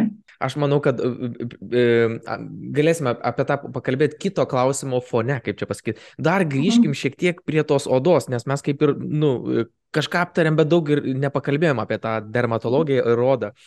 Man įdomus toks aspektas yra, e, e, bet aš kitam pokalbį diskutavau su kestučiu apie detoksikaciją ir jis irgi tą minėjo, kad oda iš esmės atlieka e, sekrecijos funkciją. Nu, ji kažką į išorę atiduoda, ne? Bet, nu, ji nėra kaip ir sukurta pasimti kažką, susirpti ir panašiai. Tai kodėl mes tepam ant jos, o ne daugiau dirbam su į, iš, iš vidaus. Nu, kažką valgom, kažkokius vitaminus, dar kažką, kažkaip mes tonizuojam, kad ta um, oda mūsų žydėtų ar ten nesusirgtų, nebūtų patologijų, bet mes tepam ją iš išorės, ta prasme, tai kaip ten ta oda gali iš išorės kažką pasimti, jeigu jos ta funkcija pagrindinė yra kaip ir sekrecinė. Tai padėk suprasti šitą netitikimą mano galvoje. Čia tas, nežinau, ar galima ištiškinti, kad pagrindinė tų funkcijų, kokios šešios turbūt yra išskiriamos odos, tai pagrindinė gal yra apsauginis barjeras tarp nu, vidaus organų ir išorinių faktorių. Oda tarsi saugo, tada yra ta sensorinė funkcija, kad per lietimąsi gali pajausti, nu ką, ką, ką jauti, ar tau ten malonus prisilietimas, ne, ar ten karšti kažkokį tai, ar pavojų. Taip, tai viena apsauginė, kad, nu, apsaugo, tarkim, kad ir nuo chemikalų, kitas, pat, e, kaip jauti aplinką, tada yra temperatūros reguliavimo funkcija, tarkim, jeigu labai sukaistam, tai pradedam prakaituoti ir tas prakaitas atvėsina odos paviršių. Tai čia irgi yra svarbi odos funkcija. O tas, kad pasimti iš aplinkos, tai iš tikrųjų gali pasimtas išorinis sluoksnis tai tos medžiagos, kurios yra kremuose, tai pasiema, bet tos medžiagos um, nebūtinai giliai lenda jodą. Dabar toks yra tarsi, kad nu, padidinti veiksmingumą, tai nori, kad nu, prasiskvarptų jodo. Giluminis poveikis, va, raktažodis yra giluminis, ten kažkas tai. Mhm. Tai va tos nanotehnologijos arba visokie liposominiai kremai, tai tiesiog tos medžiagos. Hialurono rūgštis. Kaip ten sakė, kad ten yra tos, kaip šnekėjom, tarpsta vandenį, tarpsta aliejų, tai yra tos hidrofobinės, hidrofilinės, tai vat, kad patektų į odą, tai turi jos tokia mėgta aliejų, nemėgta vandens. Tai kaip mėgta aliejų, nu, bet, ta prasme, tokia oda turi specifinę struktūrą būti, kad įeit gilin į odą. Tai įvelka tas medžiagas ir visokias liposomas, nu, tokius lipidinius darinius, kad jisai skverbtųsi į tą odą ir eitų gilin tai kažkiek tai oda gali pasiimti iš paviršiaus, bet turbūt tuo pačiu, jeigu kažkokie yra chemikalai, yra kažkas, tai yra apsauginė funkcija, mūsų sureaguos oda parodys, nu, kad nereikia šito chemikalo čia. Arba jeigu sureaguos, kad karšta, kad nereikia mums šito dalyko, tai man atrodo, oda. Padėk, padėk suprasti, nu tai gerai, tai jeigu kažkokia tipinė, mm, ten nežinau, kažkoks riebalingumas odos, ne, ten ir kažkokia tipinė struktūra ir tos e, odos lastelės, vat, sakykime, kažkokia tai ideali kondicija, nesakykime kažkokia tai. Tai ko, ko, kodėl ji tokia bus? Veikiausiai, kad tos lastelės pasimaitina teisingai, ne? ten juose ten kažkokie metaboliniai procesai vyksta ten teisingi, viskas subalansuota ir ta struktūra e, odos e, yra todėl va, tokia, sakykime, geros kondicijos. Tai ką tada daro va, tokie kažkokie kremo įtepimai? Jie, nu, kaip sakai, kad turi turėti tam tikrus tos mm, papildomas medžiagas, kurios leistų įsiskverbti, ne? Nu, pavyzdžiui, riebalus, kaip, kaip ir e, minėjai, e, mėgstančias, bet tada kas įvyksta? Tada kažkokia ta pati medžiaga, kurią ir taip suvalgytų ta lastelė yra atnešama iš išorės prie lastelės, ar į kraujotaką patenka, iš viso, kaip, kaip aš visiškai nesuprantu to mechanizmo. Jeigu ta lastelė apsimaitina turbūt per kraujotaką ir tada pasigamina iš to kažką, tai kaip mes įvedę iš išorės į odą, kaip į ten tą gaus, padėk suprasti, aš nesuprantu, kaip gali kažkokią tai kondiciją, vat, taip ir pasikeisti, kur ir šiaip yra vyksta, kaip jie paspartinti. Ne, nesuprantu to proceso, šiek tiek padėk suprasti. Nu, čia toks e, bendrai iki kraujotakos tai negali nueiti medžiagos, ten jau tam giliausiam odos sluoksnė kraujagyslės yra, tai jeigu visos medžiagos iki kraujagyslių galėtų eiti, nu, tai čia labai pavojinga būtų, ta prasme, mirties atveju arba apsinuodijimas, tai čia aišku ne kosmetika, bet dabar tas veipinimas labai populiarus yra. Tai nežinau, kaip čia lietuviškai, bet ta prasme ant bangos, bet ten kodėl ta prasme tokia rizika. Pipkiavimas. Pipkiavimas. Nežinau, ne, aš esu galvoju, aš esu galvoju. Pipkiavimas, man atrodo, gan su palyginus dar saugu yra, ta prasme, kad tabako prisikrovė, tai tabako poveikis, bet va, tas veipinimas tai yra, kad tu įtraukiai, ta prasme, medžiagas, tai tau tiesiai kraujotaką eina. Tai dėl to tiek daug yra, yra apsinuodimų visokių. Bet odoje. Tai, tai, bet odoje tai yra apsauginių mechanizmų. Jeigu mes viską paimtume, nu, tai mes čia greit numirtume visus teršalus surinkę, tai vis tiek ta oda apsaugo, kad iki kraujotakos neteitų.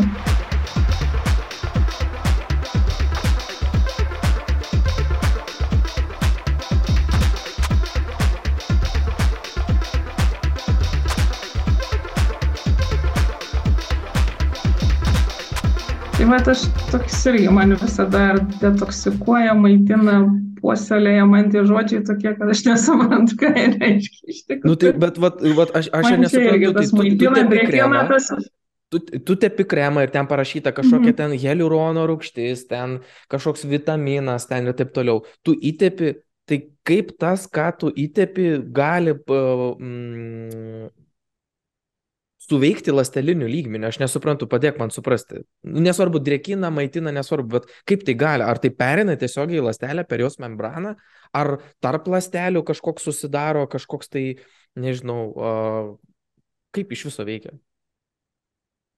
Na, aš žiūrėjau vieną pavyzdį, kaip ten sako, akne odos gydo, tai tarsi bakterijos kaupiasi ten tokios specifinės, kurios būtent akne sukuria tai plaukų folikuluose, tai kaip ir tos medžiagos tam tikros rūkštis, nu iki ten patenka ir kaip padeda nu, išvalyti. Tai tarkim, tos bakterijos, jeigu nemėgsta rūkšti gyventi, jos tenai miršta, tai ir daro visokios, nu, gan veiksmingos yra tos rūkštinės procedūros. Mhm. Tai tu tepi tą rūkštį, darai procedūros, nu, užrūkštinė tą savo visą veido odą, tada bakterijom nepatinka ten gyventi, nu, kaip ir mažėja bakterijų. Ir tada ir tada tų akne pati mažėja.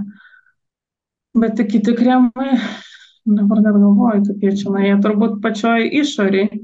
Bet čia toks, vat, man irgi toks biški klausimas filosofinis, ar tikrai ta kosmetika reikalinga, nežinau atveju, kur visai nenaudoja ir puikios odos, arba kur labai sudirgia, arba aš galvoju, nu, vat vyrai ir moteris, būna vyrų tobulom odom, nieko jie ten netepa ir ir vis tiek jokių problemų nėra. Tai aš galvoju, ar nėra čia kažkas.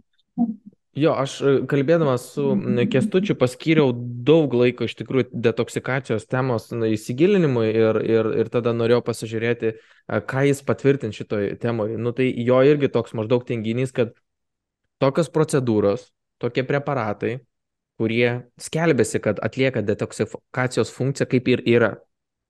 Bet fiziologinio mechanizmo, kaip tai turėtų veikti, nėra. Nu, kitaip sakant, neaišku, ar to, ko tikisi vartotojas, jis gaus, veikiausiai negaus. Nes, nu, aš tai nesuprantu, kestutis irgi, ne, nežinau, gal yra kitų žmonių, aišku, pasaulio pratingesnių, kurie sakytų, kad tai įmanoma yra. Mums tas neaišku yra. O kaip su kosmetika yra?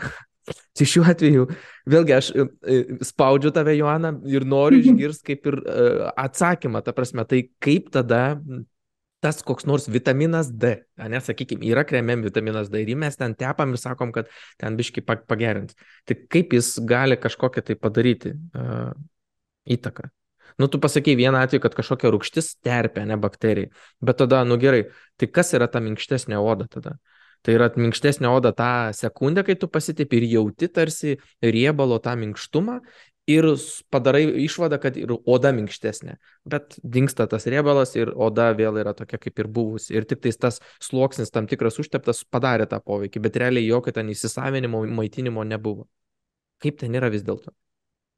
Tai vad su vitaminu D tai kaip tik yra atvejs, kad vad draudžiamas jisai yra kosmetikai, būtent jo neleidžia. Mm, jo, čia geras klausimas, tai va aš galvoju, turbūt pagal kiekvieną medžiagą reikia žiūrėti veikimo mechanizmą, ar ten į lastelę, ar ten tarp lastelių veikia. Kad vienas pavyzdys, ko gero, jeigu kažkokia yra suragėjų sausa oda, tai yra medžiagos, kurios, tarkim, nu kaip galima sakyti, suminkština, kad, tarkim, vienas iš pavyzdžių yra, tarkim, yra toks fermentas bromelainas, tai kai valgom ananasą, tai labai graužia lūpas ir jeigu per daug privalgom, tai nelabai mums malonios tos lūpos. Tai Aš visą laiką per daug privalgau. Visą laiką. Kaltas toks yra fermentas bromelainas, tai jisai specifinis yra uh, tuo, kad sukarpo baltymus. Nu, tam tikrose vietose kerpa. Yra proteazė, tai mums tas lūpų nemalonus pojūtis, tai jisai, tarkim, yra ananasuose, paskui analogiškas yra toks papainas papajose, paskui figose yra ficinas, tarkim, juos naudoja toks kaip ir kosmetikoje geras dalykas, efektyvus, tai jeigu suragėjusios lastelės yra, tai tie fermentai tarsi, nu, suragėjusių lastelių baltymus suskaldo, nu, tai susmulkina, susmulkina ir kaip po taip galima sakyti, kad pašalina šitą suragėjusių sluoksnį dėl to, kad fermentai taip veikia, nu, kad tarsi sukarpo tą negyvos sluoksnį. Bet vėl čia su kosmetika taip yra, kad tie fermentai labai trumpai aktyvus būna. Tai turim daug tų produktų, kur tie fermentai naudojami, kaina didelė, bet man tas sudėti žiūrint, aišku, kad jie yra praradę aktyvumą, ta prasme, nebetlieka savo funkcijos. Tai... Joana, tu kalbė apie a, tą epidermį e, sluoksnį, kur yra negyvos susikaupusios odos lastelės ir, ir, ir, ir jas tada e, gali su, su, sukar, sukarpyti jos esamus baltymus. Apie šitą sluoksnį kalbėjau. Jo, ta prasme, jo, nu, epidermis bendrai tas yra visas išorinis sluoksnis, tai jeigu mhm. kažkur yra susikaupęs suragėjusi, čia vienas iš tokių kaip po inovatyvesnių būdų, kaip tas gali veikti, kaip ir mechanizmas aiškus, bet čia kita problema, kaip tą fermentą išlaikyti kosmetikos produktą, kad, tarkim, jis ten tris metus aktyviai veiktų, jeigu realiai jis ten pusę valandos, tarkim, aktyvus yra. Arba, kaip minėjau, yra ten trys fermentai, tarkim, iš ananasų, iš papajų, iš figų.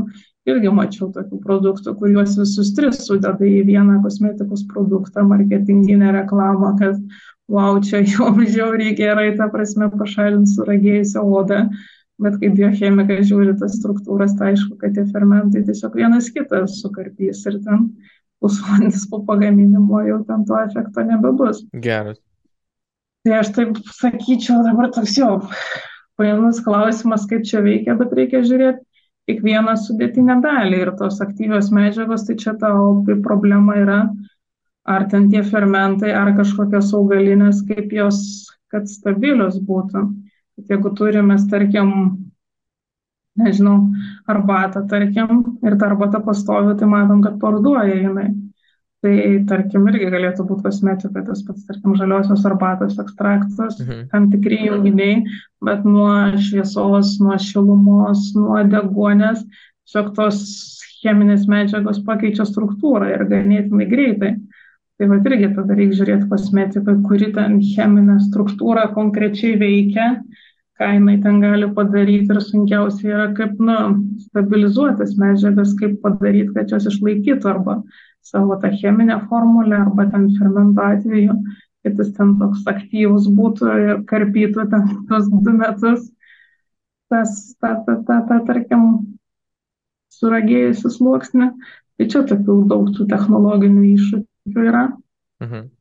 Tai tų mechanizmų daug, tai mes jo išsitepame epidermį, tai ko gero epidermį lieka, tai ar lastelės, ar tarp lastelių veikia, kažkiek tą drėgmės lygį, na, žiūrėjau, kad vis tiek su laiku drėgmės lygis mažėja, sensta ta oda, tai kaip ir tos medžiagos, ko gero, gal ir padeda palaikyti. Joana, ką reiškia drėgmės lygis odoje?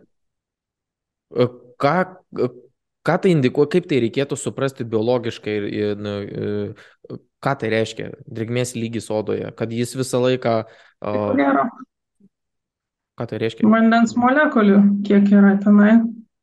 Ir mažėja jų, arba ten, tarkim, yra tas epidermis, paskui yra dermis, dar giliau yra toks hipodermis, tai pagrindai iš riebalinių lastelių sudarytas irgi ten tų tyrimų yra, kad, tarkim, sumažėja ten su amžiumi 60 procentų to riebalinio sluoksnio ir visi tie sluoksniai mažėja, e, nu, plonėja, skirta oda, raukšlėjasi, suglemba. Tai, va čia tokie natūralūs mechanizmai, kad turbūt reikia žiūrėti kad ne taip seniai ta gyvenimo trukmė, ko gero, buvo 35 metai, mūsų maždaug mhm. amžius baigėsi, o dabar tiesiog dėl visokių vaistų išsiplėtė labai ta gyvenimo trukmė. Nu, odos kaip to senėjimo procesų suprasti dar, dar ko gero, netaip lengva.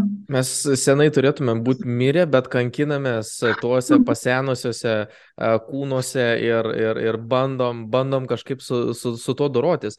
Bet va, tu mini va, tam tikrą drėgmės kiekį, kurio mažėjo, riebalinio sluoksnio ir panašiai, bet ar kosmetika gali padėti iš esmės atkurti tuos sluoksnius, ar jau čia nebėra jokių būdų jos darbas ir tik tai gali kažkokį išorinį sluoksnį uždėti ant epidermio, kuris mažiau ten garins ar panašiai, bet kad atsistatytų kažkoks tas riebalinis sluoksnis, ten vandens, tai reikalinga ten a, tiesiog gerti daug vandens, valgyti sveika mytybą mitybą, pažiūrėjau, turi arba vat, kažkokiu tai, e, kuri įtakotų tą riebalinio sluoksnio, nu, bent jau pastovų atsikūrimą, kad būtų medžiagos iš ko tai gaminti. Tai turbūt daugiau bus su mytyba ir kažkokiu tiesiog vandens gėrimu daugiau susiję.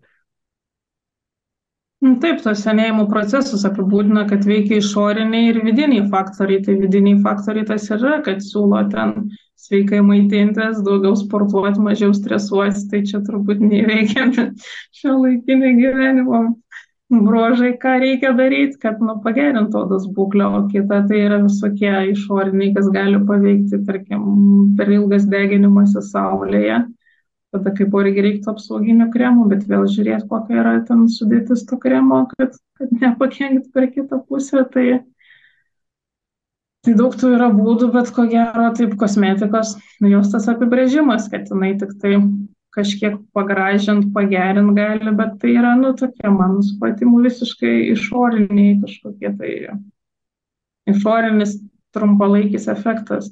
Mhm tam, kad atkurti ten tos giluminius sluoksnius visokius, ko gero, arba, arba vidiniai tie maistas, sportas, mažas streso lygis, arba ko gero jau vairios tokios instrumentinės procedūros, kurios jau ten gilin gali nueiti.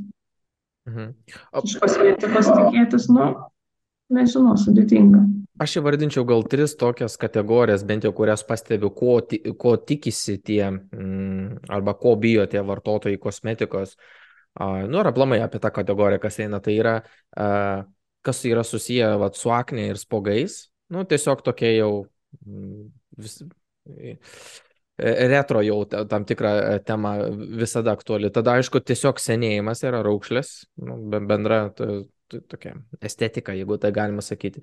Ir tada turime kažkokius vėžinius susirgymus, ne? Nu, labai jau odos vėžys ir, ir, ir kažkokie tai apgamai, kurie gali toliau ten uh, nežinau, ten mutuot ir į kažkokią tai patologiją virsti, tai turbūt trys tos kategorijos, kur aš, aš, aš pastebiu. Ar yra dar, ar tu sutiktum su tom trim, kurios yra, nu, daugiausiai generuoja tada naujus produktus, tą interesą, e, tos poreikius tam tikrus, e, tą industriją ir tiek iš poreikio, tiek iš pasiūlos pusės. Ar yra kažkokios kitos kategorijos, kurios labai stipriai generuotų tą kažkokį tą poreikį? Nu, ko gero, pagrindinės dar gal kažkaip galvoja ateina, kad atopinis dermatitas arba kontaktinis dermatitas. Kas tas? Kur, Kas tai? Kontaktinis dermatitas, tai tarkim, kai kontaktuoja, tarkim, su pirštinėm, o čia gydytojai skundės, kai tarkim, COVID pandemijos metu turi visą dieną privalomai būti su pirštinėm nu, ir kontaktas odos su ta guminė pirštinė ir dar veido kaukė. Okay. Tai, tai irgi daug kas atsikankina, turbūt, man atrodo, vos net lygos naujas pavadinimas, kad ten oda su kaukė kaip kontaktuoja. Tai kažkokia reakcija į cheminę medžiagą arba bendrai alergijos. Bet čia toks iš mokslinės pusės gal įdomus yra, kodėl tų alergijų daugėja, tai labai žmonės švarinasi, švarina namus, naudoja daug chemikalų ir ypač mažiem vaikam labai prižiūri, kad į burną nieko nedėtų, nieko nečiupinėtų arba labai sterilę tą aplinką palaiko. Tai yra tas uh, toksai oralinė stadija vaikų, kad iki pusantrų metų jie viską į burną kiša ir kodėl tą darom. Ir tėvai pergyvena, aišku, visada, kad susirgs, bet čia tas yra, kad jie turi susirinkti kuo daugiau bakterijų, kuo daugiau paragauti visokių patogenų. Aišku, geriau nekenksmingų, bet jie nu, treniruoja tą organizmą, taip užsigrūdina, stiprina imuninę sistemą ir tada jie taip pat sparesni tampa ir mažiau turėtų būti odos lygų. Bet jeigu nu, tėvai palaiko labai sterilę aplinką, neleidžia jam prisirinkti, neleidžia ten saujos žemės suvalgyti ten kartą į savaitę, nesakau, kad tą reikia daryti. Toks, nu, pusryčiam, treč, trečiadienį pusryčiam uh, durpių substrato ir, ta prasme, taip ir auginam vaikus. Nu, taip nereikia, nereikia to kraštutinumo, bet ta prasme tam, kad kažkur tai, nežinau, miške kažkur tai tam pas babytę kažkur tu paragaus žemę, tai tam vaikui, nu, aišku, yra rizika, kad ir susirgs, bet... Ar yra būdant, atrastos aiškios sąsajos su tuom, su steri, steri, ar yra atrastos aiškios sąsajos tarp sterilaus gyvenimo ir problemų, kas yra susiję konkrečiai su uh, odos būklė, alergijom ir, ir panašiai? dabar turbūt nepabaksnuosiu kažkokį konkretų literatūros šaltinį, bet kažkaip tokie, nu, manau, kad yra, kad daug tas yra akcentuojama, kad labai daugėja vaikų alergijų ir, nu, viena iš priežasčių tos pernelyg sterilios aplinkos. Tai, tai ko gero ir odos mikroorganizmų irgi sumažėja ir irgi ta oda jautresnė tada. Aš visą laiką šį klausimą turėjau, turėjau galvoje ir dabar vat, gal geras, geras metas būtų išduoti. Bendrai mes žymiai dažniau prausėmės ir intensyviau negu mūsų protėviai ir senoliai. Ir dažniau turbūt ir daugiau vandens sunaudojam ir tas vanduo galbūt kažkoks šiek tiek kitoks yra, labiau išvalytas, pravalytas kažkokių elementų jame yra mažiau, mes ir chemijos daugiau naudojame, dušožėlės visokios ten, kondicionieriai, šampūnai, muilai, tokie ir tokie ir taip toliau.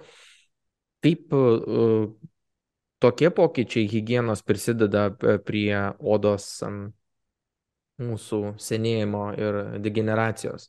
Ar nėra taip, kad mes tuos sluoksnius to, to, to, to riebalo nuplaunam, išplaunam ir po to, kaip po atsaką, turim mm. kažką vėl ant iš naujo užsitepti ir tada sakom, o, dabar jaučiuosi gerai, žinai. Nu, bet gal mm. reikėtų tada tik tai savaitėlę, e, savaitę kartą po dušų lysti ir ta oda būtų kaip tik e, geresnė. Kaip šitos mūsų hygienos įpročiai, ar turi tą antrą lasdos galą? Aš tai manau, kad ko gero turi ir vat, kaip tą, kaip tą išspręsti. Bus plaukais labai daug kas tą pastebėjo, kad kai dažnai plauni, jie kažkaip riebaluojasi labai greitai ir žmonės iki prieina iki to, kad būtinai kasdien turi plauti. Arba surėtini tą plovimą, netaip riebaluojas. Bet ta hygiena prakaitas turbūt vis tiek dabar žmonės labai neigiamai žiūri, jeigu kažkokį nemalonų kvapą jaučia kito žmogaus. Tai čia aišku, kai kontaktiniu būdu dirba, jeigu vat, žmonės persikelia į tą nuotolinį darbą, tai ko gero gal net ir sveikiau būtų, kad privengti to dažno prausimuose. O, o čia geras yra. Visus į nuotolinį darbą, visi smirdi namuose, bet kai grįžta į ofisą, e, švyti. Mhm. Oda, oda puikiai. Bet tas va, riebalų nuplovimas, nežinau, kad su probleminė oda nenuplausė riebalų, tai Tai kaip ir visokie berimai atsiranda, arba moterim tas aktualu, kad kosmetikos priemonių, kai daug visokių pudrų naudoja, mhm. tai jom labai aktualu yra, kad nuplauti viską, kad ta oda švari liktų. Bet natūraliai oda turi palaikyti kažkokį tą tokį riebalinį sluoksnį arba, nu nežinau kaip įvardinti, gal jis netoks, kuris kažkaip gal kažkokią apsauginę funkciją, kažkokią tai e, kartu su epidermiu atlieka ir kažkaip galbūt e, mm, tą išorinį sluoksnį padaro kažkokių tvaresnių, tvirtesnių ar atsparesnių ir panašiai.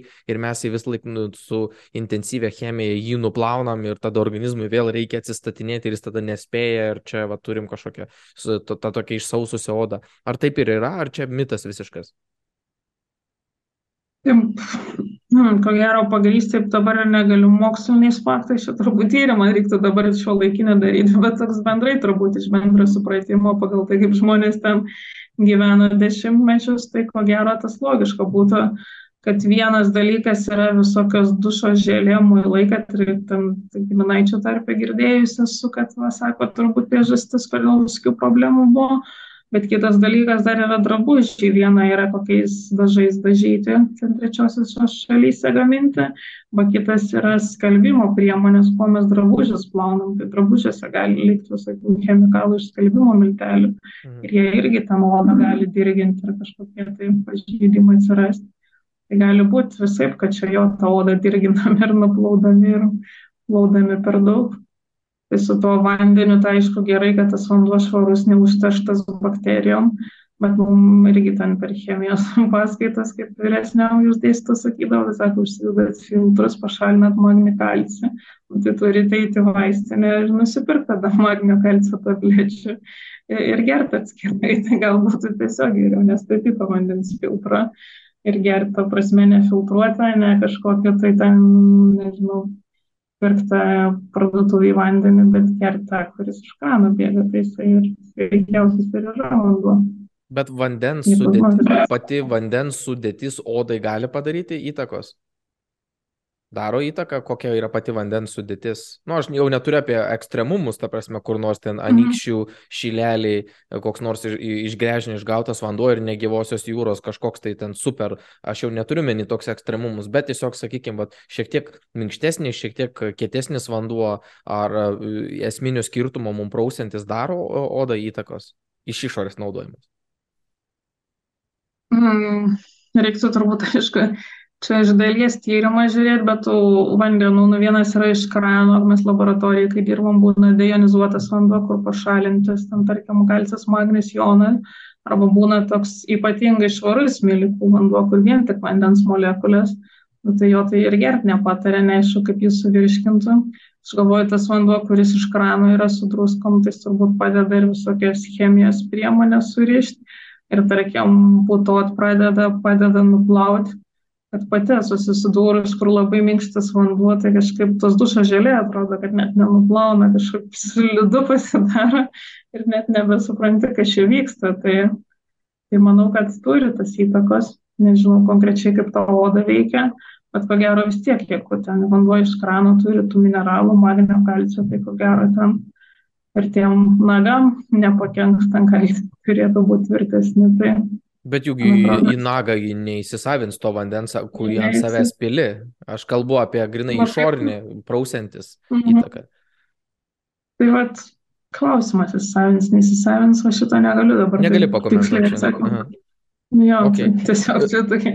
Tu, tu, tu patikslink, kaip tu esi sus, susijus su onkologijos rytimi ir kaip šitoj vietoje, ta, čia turbūt vienas didžiausių baubų yra, tai odos vežys yra. Gal tiesiog patikslink, kaip tu susijusi su tas sritimi, ar kokius tyrimus ten atlieki, ar kaip, nu, patikslink ir kaip šiuo atveju, o, o gal gali kažką papasakoti apie o, tą odos, tą onkologiją, kokie tie veiksniai e, sukelia e, ir ar čia yra praktiškai tik tais kažkokie tai o, paveldimumo dalykai, ar čia vat, saulė gali tą stipriai įtakoti, ką mes apie tai žinom.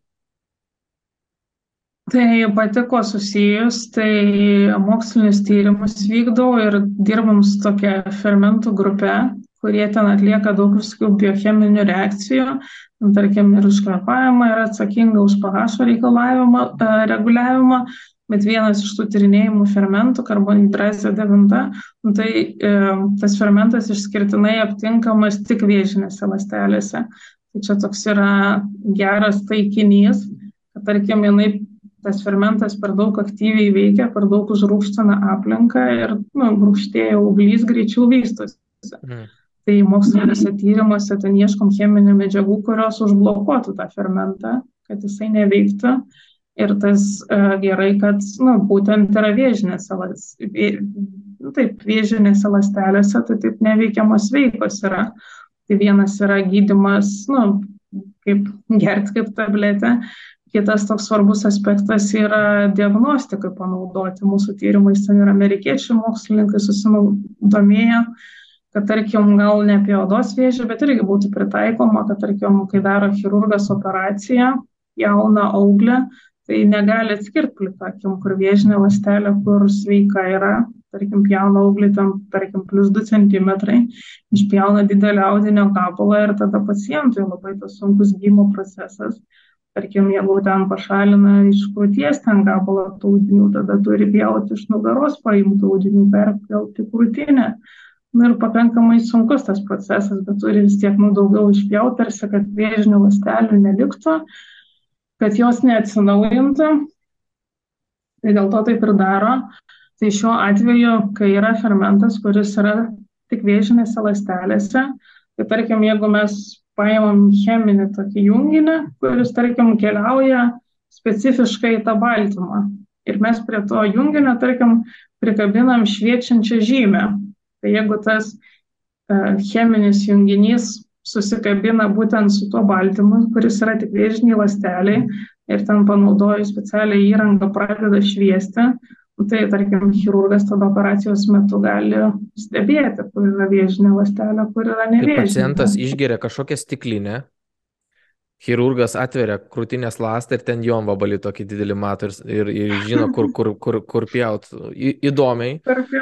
Į, įdomiai, tai čia yra, šitas va tavo pavyzdys yra, kad kuo mažesnė ta intervencija būtų, mažiau audinio būtų pašalinima ir būtų tikslesnė, kaip galima ta operacija, taip?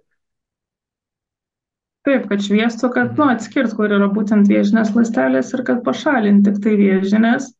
Arba, tarkim, jeigu yra chemoterapija, labai stiprus chemikalai, nu, tai atakuoja organizmą, tai naikina ir vėžinės, ir nevėžinės lastelės. Tai, nu, pakenkia žmogui, dėl to paskui labai sunkiai atsigauna po tos mhm. chemoterapijos.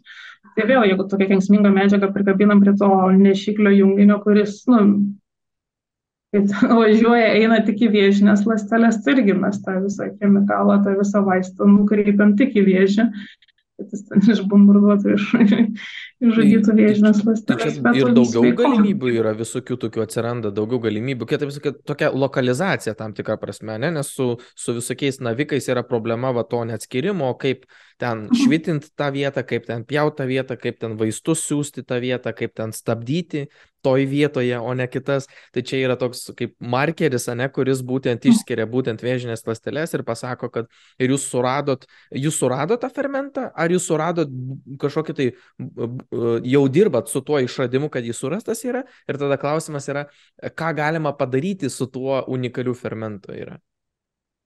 Tai fermentas buvo žinomas, daug grupių su juo dirba. Tai mūsų daugiau tas e, vaistinės molekulės sukūrimo kelias. Tai tas fermentas tokia iš baltymų grupiai priklauso, yra 12, ten galim sakyti, brolių ir sesų labai panašių. Ir tarkim, cheminė medžiaga tada gali jungtis ir prie vieno, ir prie kito. Reikia tokios cheminės medžiagos, kad jinai jungtųsi tik su tuo fermentu, kuris yra vėži, bet nesujungtų su juo labai panašiu, kuris, tarkim, atsakingas už kvepavimą yra. Jeigu užblokuosim tą, kuris ten už kvepavimą atsakingas, nu, tai žmogui visokie šalutiniai poveikiai pasijaus. Kad, tarkim, tokios medžiagos yra, kad ten jau 50 metų formacijoje, tai kaip ir, tarkim, ten kokiai gliaukomos gydymui, epilepsijai, irgi tą fermentų grupę atakuoja, tai ir padeda žmogui, bet ir to pačiu šalutinius efektus sukelia. Mm. Tai čia mes tokie, kaip yra spinos rakto modelis, jeigu tas fermentas spina, mes to tobulo rakto ieškom, kad jis ten rakintų būtent tą fermentą, kuris vėžį yra, bet nerakintų visų kitų fermentų. Tai reikia, nu, taip iki, iki molekulių lygio prisi, prisitraukti viską ir žiūrėti, kaip atsistoja ir ten gali būti minimalus pakeitimai cheminiai struktūrai. Ir visai kitaip bus tas jungimas. Tai mūsų buvo pora junginių patentuotų tai Amerikos mokslininkai su pelėm pasidarė daug tyrimų, bando irgi patentuotis, kad kaip po jų išradimas būtų. Daug visokių niuansų yra, bet vis tiek matom tą kryptį ir vis tobulinam tas molekulės, kad gali ten, nu, mėgintuvėlį gerai jungtis, bet kai patenka į gyvą organizmą, tai visokie kitokie fermentai paveikia ir kaip ten galiausiai vyksta, tai daug dar tų klinikinių tyrimų reikia padaryti. Mhm. Tai tokios potencialios geros molekulės, bet daugiau su pelėm visokie dar tyrimai vykdomi. Kitas etapas būtų su šunim, su bežionėm ir tada tik tai žmogų eitų. Tai, tai čia toks nu, perspektyvus išradimas, bet daug dar ir visokių investicijų laiko reikalaujantis. Bet galvoju, jeigu grįžti prie to odos vėžio, tai irgi ko gero būtų variantas kad pažymėti, atskirti ten apgamas, kur yra nu, tiesiog apgamas, niekam jisai netrukdo, o kur yra piktybėjantis, bet nu, šiais laikais yra tų prietaisų paprastesnių, kad ten ir plika akim pradeda gydytojai žiūrėti, kad ten asimetrinis darosi, apgamas tamsėja, arba ten puliuot pradeda, arba šašas darosi, tai vis tiek jau kilusi tarimam turėtų pas dermatologą pasirodyti pacientas, kad, kad dėl tolimesnio gydimo aiškintis. Mhm. Tai bijo žmonės šitų dalykų, tai pagrindinis sukėlėjas yra saulės šviesa, kad labai linkia nu, baltaodžiai lietuviai persideginti. Tai iš dalies aš pati ten irgi mėgstu saulę, kažkiek tas odos bakterijas naikina, iš dalies pagerina tą odos būklę, bet kita vertus ir pakengti gali. Ten yra tų nuomonių, kad ir po, po dešimties metų vos negali išlysti, gali būti, kad ten vaikai persidegino saulėje. Tai, tai pagrindinis yra saulės šviesa, tai, tai labai norim tos saulės mėgautis, bet reikia ir nepadauginti. O, o ar tu galėtum kaž, kažką šiek tiek apie tai dar pakomentuoti? Tai e, koks faktorius didina riziką? Tai iš esmės šiuo atveju turi įvykti pakitimas, mutacija lastelėje, kuri po to toliau dauginasi, taip? Nu, kaip, kaip ir taip, taip. Tai nu, prasme, šiuo atveju... UV spinduliuotė per didelė. O, o koks tas faktorius yra? Tai yra bendras kažkoks fotonų kiekis, intensyvumas, laiko tarpas ir, ir kas ten įvyksta. Tuo atveju būtent DNR atsiranda kažkas, nu, atsijungia kažkoks tai dalykas, ar kaip, kaip tas mechanizmas vyksta, ar ten, kaip sakyti, Ar yra tokia pat rizika ten va, turėti ten e, odos vėžį, ten kokią nors vairuotojų fūros, kuris pastoja ten per langą gauna, bet jis kiekvieną dieną po biški, ar tas jau, kuris Turkijoje dvi savaitės gulėjo prie, e, prie uh, baseino, yra didžiuliai rizikoje, nes dvi savaitės jis intensyviai deginosi. Padėk suprasti, kokia čia yra rizika ir kada ta mutacija galimai turi didesnę galimybę įvykti. Ar ir vienos dienos užtenka Alikantėje kur nors ko gero vienos dienos per mažai, bet ko gero nėra susijęta, kokią čia dozę turi gauti, nuo žmogaus priklauso. Tai viena turbūt genetiniai faktoriai ar kažkas tai e, yra sirgę ar odos vėžio ar kitom vėžio formom. Bet ko gero didžiausia rizika tiem, nu, kurie ten pradeda kovo, balandžio, gegužės mėnesį degintis nuo 8 ryto iki vėlyvo vakaro ir baigia ten, ko, kai, kai, kai, kai ateina ruduo, nu, tai kuo, kuo daugiau tos saulės, Tu turiu mini ūkininkai, kurie turi savo didelį daržą. Aš kažkaip irgi pradėjau daržus įsivaizduoti su tas karelė. Jo, jeigu ta prasme. Bet jie gal ten, nežinau, šeštą ryto, nu tas sako, laikotarpis pavojingiausias nuo 12 iki 4, kai reiktų privengti. Tai Turbūt tai tokios negalėtum įvardinti aiškesnės kozacijos tarp laiko intensyvaus, ta prasme, čia labai daug faktorių bus, ta prasme, ir nepasakysi, kad ten kažkoks ilgalaikis yra netoks pavojingas, bet dvi savaitės kokio intensyvaus deginimosi turi žymiai didesnė tikimybė padaryti tą pakeitimą, mutaciją kažkokią tai, iš kurios gali įsivystyti kažkoks navikas. Nu, taip, man atrodo, kad nėra tokių aiškių sąsajų. Nu, būtų labai paprasta, jeigu taip galėtų apibriežti, kad va, po dviejų savaičių garantuotai susirksi. Klinikinį tyrimą sunku atlikti. Sunku, turbūt viena ten visą gyvenimą deginsis ir nesusirks moteriškė tam daržė ravės, o kita nuskris atostogų į Turkiją ten kartą per metus ir susirks. Tai, tai čia tų ir yra dar daug klaustukų, kad negalim pasakyti negalim apibriežti, negalim sudaryti duomenų bazės, kad ten tiek laiko, tiek tokia spinduliuotė tam regione ir garantuotas ryšys. Tai ir nežinom tada ir, ir, ir, ir, ir nesakykim. Tai aš manau, kad uh, ačiū, ačiū labai už pokalbį, turbūt mes daug, daug potėmių e, apkalbėjom. Čia buvo Joana Smirnovienė, ačiū tau už apsilankymą. Ačiū, kad pakvietėt, supažindinot, įdomi labai draugija, pamačiau tų veiklų, galvoju, tikrai čia pati dažnai skeptikų jaučiuosi, galvoju, pats nuskaitimas. Ačiū tau. E, čia skeptikų draugija, skeptiški pokalbiai, sekit draugijos veiklą Facebook e, kanale, e, tinklapį, žiūrėkit šitos pokalbius YouTube platformai, klausykit audio formato Spotify platformai ir sustiksim kitose pokalbiuose. Iki kol kas. Ačiū, iki.